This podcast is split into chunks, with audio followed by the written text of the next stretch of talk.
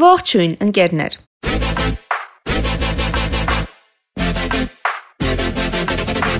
Չգիտեմ ինչու այս անգամ որոշեցի, որ պետք է Vox Pop անեմ։ Չէ, չմտածեք, որ անծանոթ բառեր եմ օգտագործում, որ խելացի Երևան։ Ուղղակի այս լրագրողական տերմինի հայերեն թարգմանությունն այդքան էլ սրտովս չէ, բայց ստիպված եմ ասել, որ հասկանաք։ Խոսքն ինչի մասին է։ Vox Pop-ը թարգմանվում է որպես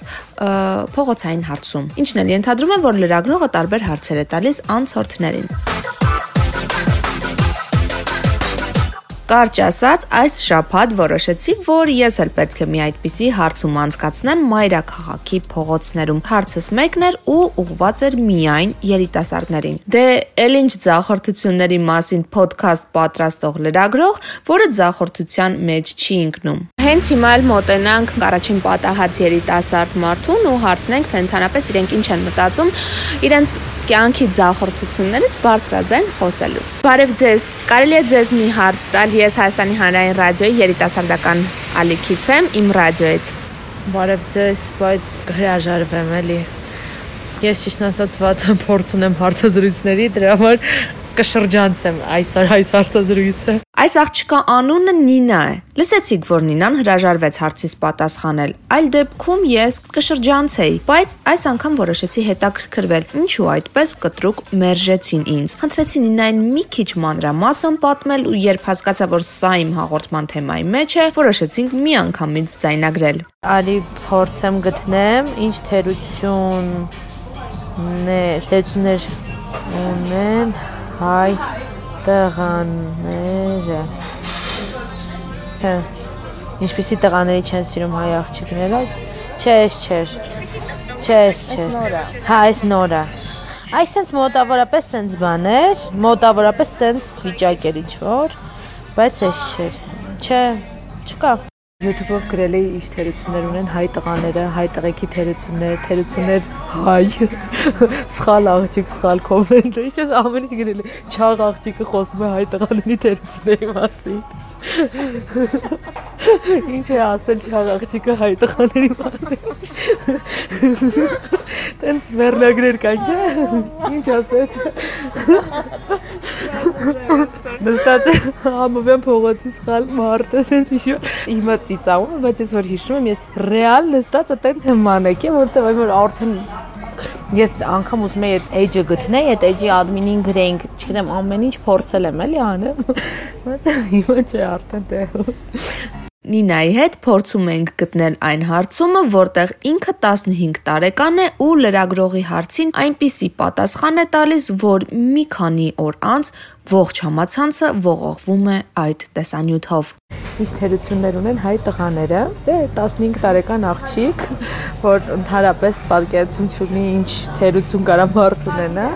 ինչ որ տեղից լսել է հա քարթու են, ընկերուհին է սկզբից խոսում, ասում է դե մի քիչ իրան քարթու են չգիտեմ ինչի ես տենց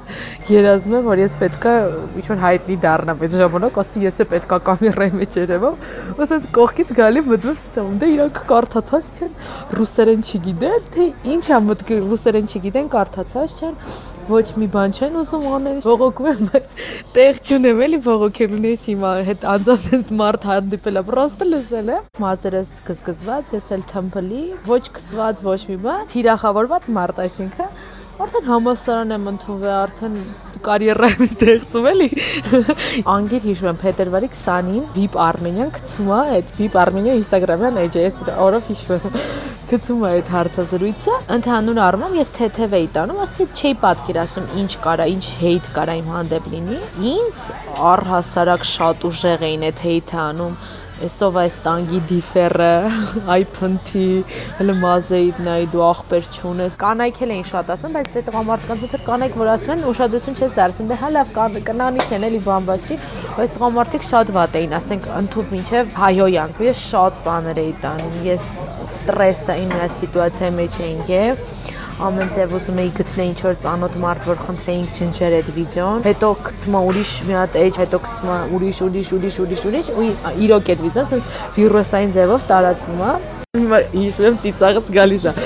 Ընկերուհիս ասանգում Նինա շուտ հələ մի հատ հələ մտի MTK-ի էջ, չգիտեմ, գիտես իրան ռեպեր, հա։ Իրա էջ էր գցել ու հենց իմ հատվածը կտրած, ինձ էր մենակ ձեռ առնու։ Հետո իհարկե խնդրեցինք շատ, ասցինք խնդրում ենք ջնջի էլի այդ վիդեոն, ինքը ջնջեց, շնորհակալություն, ինքը ինձ չգիտի, բայց ամեն դեպքում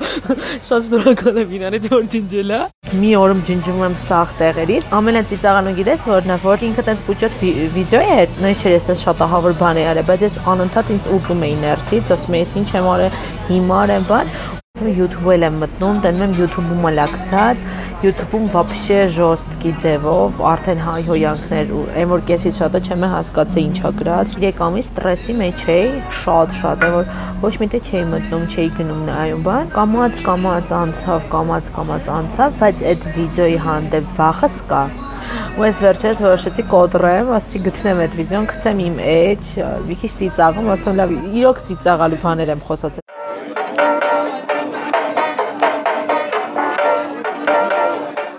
Դեպքից հետո տարիներ են անցնում ու Նինան որոշում է հանրության առաջ ներկայանալ, ինչը մի քիչ դժվար որոշում է եղել, քանի որ այդ ամենի հետևում կար վախ, իսկ գուցե հիշեն ինձ, գուցե նորից այդ ամենը ասպարեզ բերեն հումորի լիգայում եմ մասնակցել, հիմա TikTok եմ նկարում, չէ, այս մի քանի շաբաթ է։ Ինձ որ գրում են, ես արդեն իմունիտետ ունեմ։ Մեկը մտել հայհոյանք էր գրել, անկա պրոստ ինքը գրեց, գրեց ինչ ես ինձ գրում, ոյ որ սենց ես ինձ գրել, ուրեմն կջնջեմ կոմենտս, բան ու ես հասկանում ես էլի որ էկրանից այն կողմ նստած է ինչ որ մեկը որ երեխա է, ինքը իր վատը անդանում այդ պիրուտ, ինքը սաղի վրա է չարացած։ Ես չեմ անկեղծ ես վատ կոմենտ գրողներին չեմ մեղադրում, որտեղ հասկանում եմ իրանց հոգեվիճակը, որտեղ ինչ որ բահ եղել, որ ես էլ եմ այդ հոգեվիճակի մեջ եղել։ Իհարկե ես չեմ մտել կոմենտ գրել, բայց ես է կարայի կատաղած լինեի, մտեի սաղին պատասխանեի, վայ դու ես ես դու ինձ ես fake page բացեի, հա, ինձ fake page բացեի ու ինձ գրողներին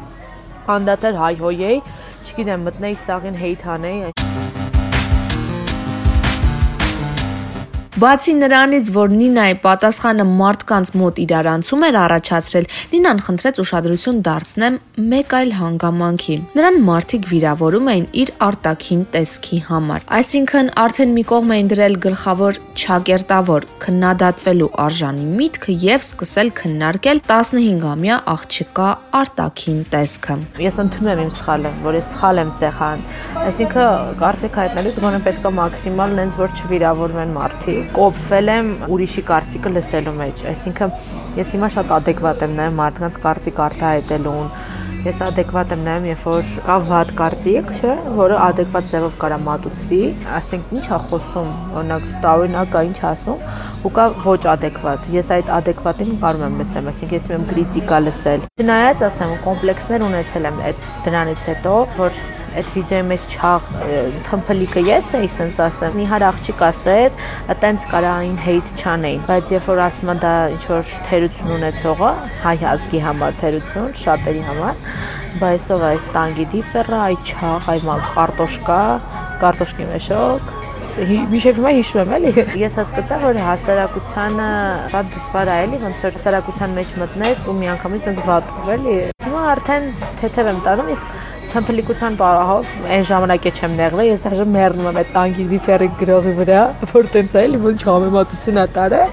բայց ամեն դեպքում այդ կոմպլեքսները կային էլի մինչև այսօր վախում եմ վայ ես վիդեոն հանգարցակի չհայտնվի վայ ես հա մինչև այսօր Նման դեպքերում կարևոր է ընտանիքի, հարազատների ու ընկերների արձագանքը, որովհետև հենց նման դեպքերում հաճախ մեղադրում են սոցցանցային բուլինգի զոհ դարձած մարդուն եւ հորդորում փակել էջը։ Սեփական կարծիքը չհայտնել, անհետանալ մարդկանց տեսադաշտից, ինչը մեղմ ասած այդքան էլ լավ որոշում չէ, ու խնդիրը լուծում է կարճաժամկետ։ Դե papan ասես լավ է, ինչ ես խոսացել, որ մի հատ չէի ուզում, սուս մնայր էլի։